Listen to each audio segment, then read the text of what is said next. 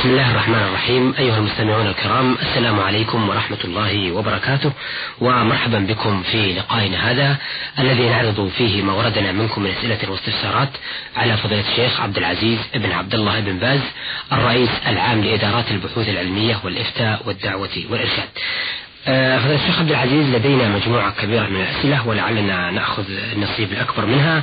آه، لدينا رسائل السادة نعمان علي حسن من الرياض حي الشفا والمرسلة دلال محمد المغربي ونورة عبد العزيز العبيد من عنيزة والأخت شين عين حا من القصيم رياض الخضراء ومحسن حسين المسعودي والمرسلة أم يوسف آه، من القطر العراقي.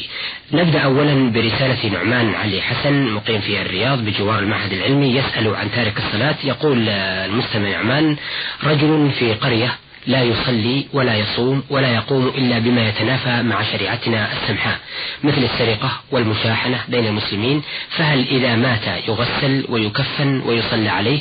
نرجو توضيح موقف المسلمين من هذا الشخص. جزاكم الله خير الجزاء. بسم الله الرحمن الرحيم. الحمد لله رب العالمين. وصلى الله وسلم على عبده ورسوله نبينا وإمامنا محمد بن عبد الله وعلى آله وأصحابه ومن سلك سبيله واهتدى بهداه إلى يوم الدين. أما بعد فقد دلت سنة رسول الله صلى الله عليه وسلم على أن من ترك الصلاة فإنه كافر. ومعلوم أن الكافر لا يغسل ولا يصلى عليه ولا يدفن في مقابر المسلمين.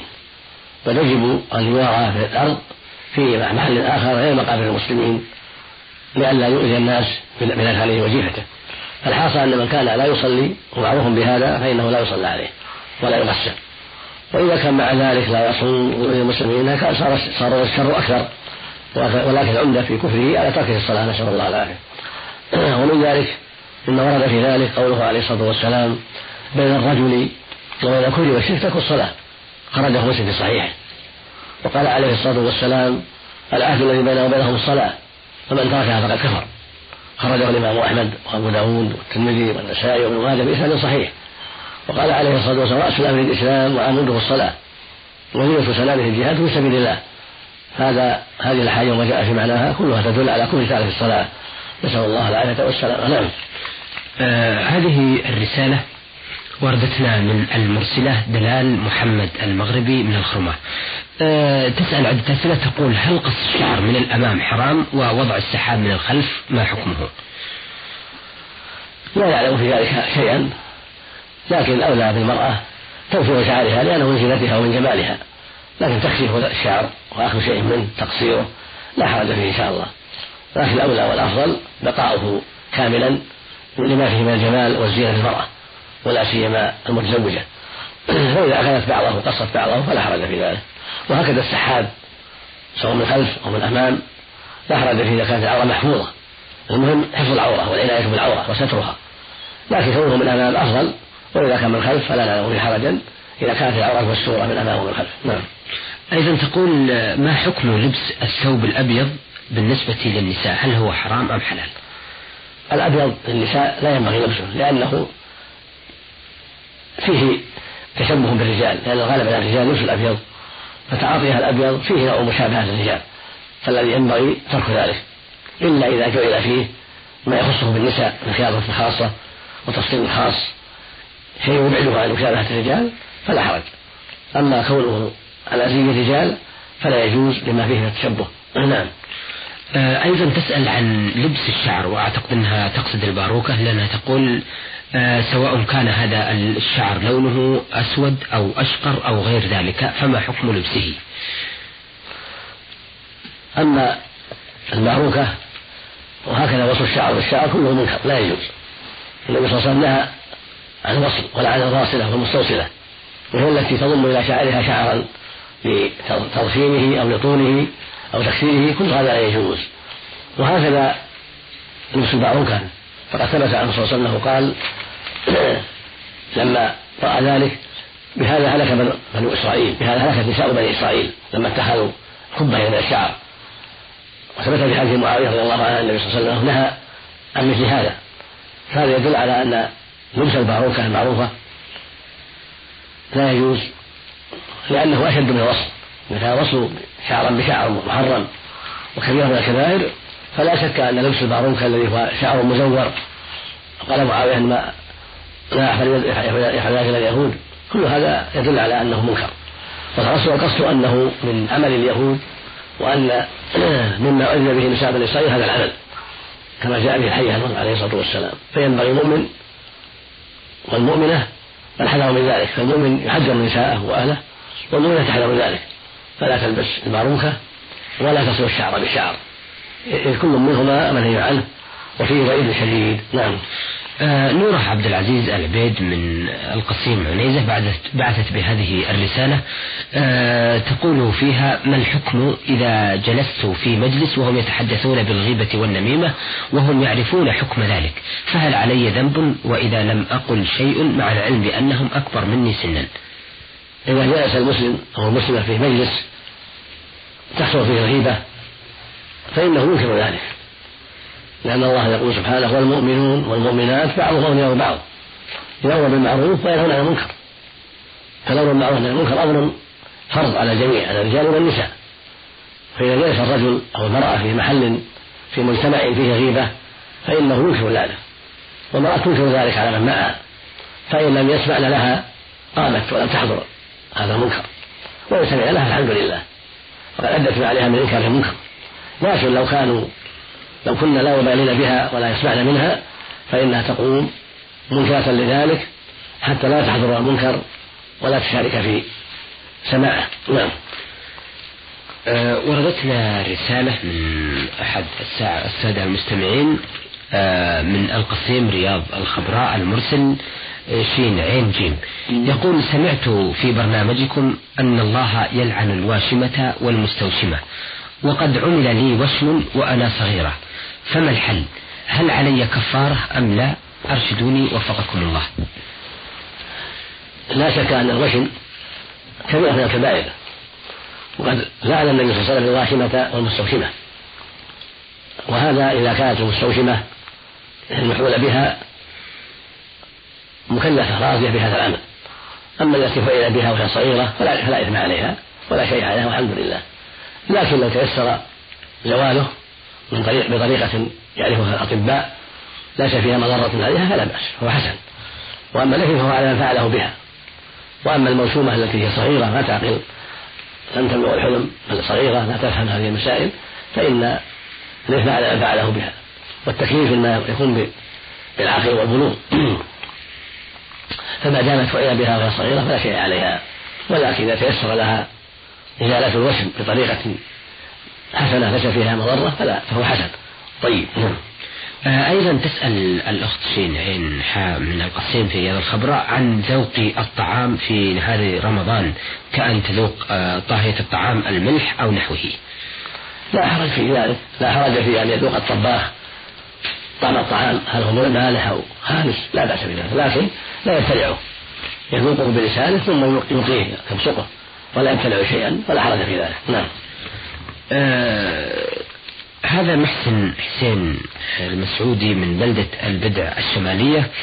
بعث بهذه الرسالة يقول إن والدي من البادية الرحل ويقوم بتربية المواشي وأنا كنت أقوم برعاية الأغنام عنده. وفي يوم من الأيام رمضان المبارك وأنا أرعى في الأغنام قابلتني فتاة آه كذلك ترعى أغنامها وكان الوقت ما بين الظهر والعصر وجلست معها. آه، وأخذت في مبادلة الحديث ووصل ذلك إلى المزاح والمداعبة في أثناء ذلك آه، اليوم الذي هو في شهر رمضان.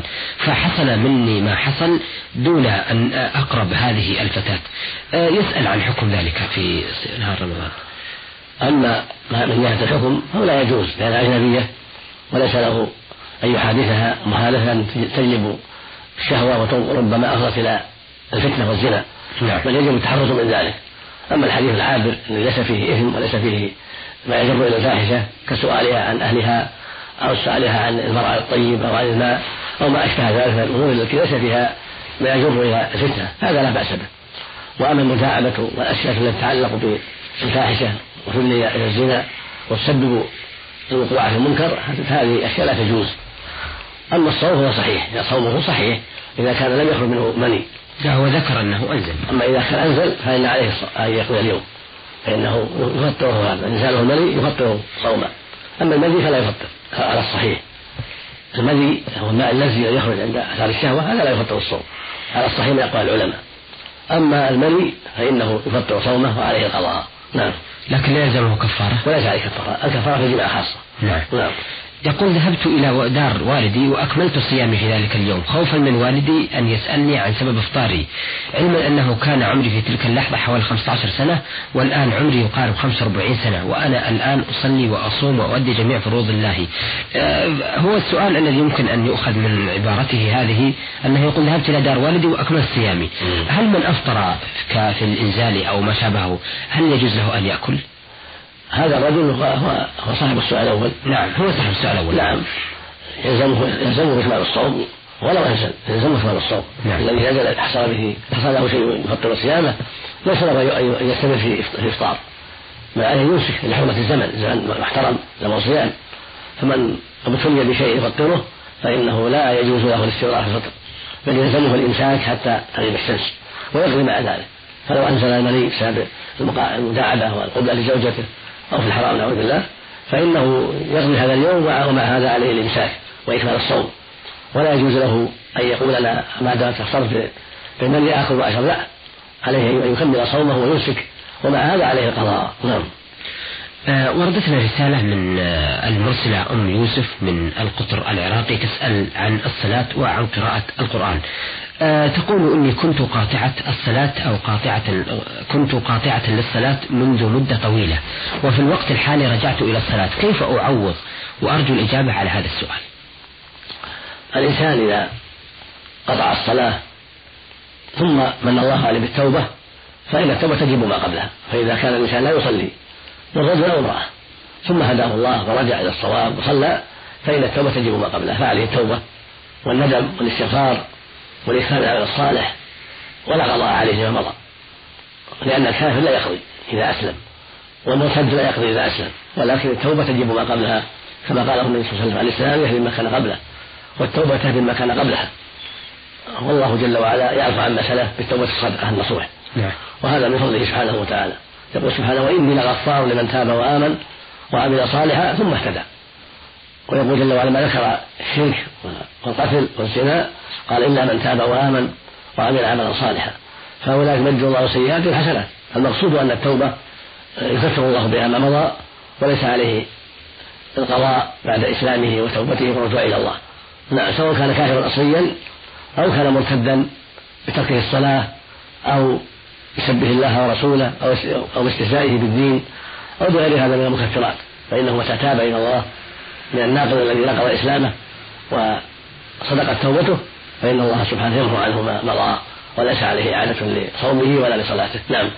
آه، سؤالها الأخير أو الثاني تقول إنني أدرس في مرحلة التكميل وأتمنى أن أقرأ القرآن لكنني لا أقدر بل أقرأ الجزء أو مثل سورة الكوثر أو النصر وهكذا عندما أركع في الفجر وغيره من الصلوات.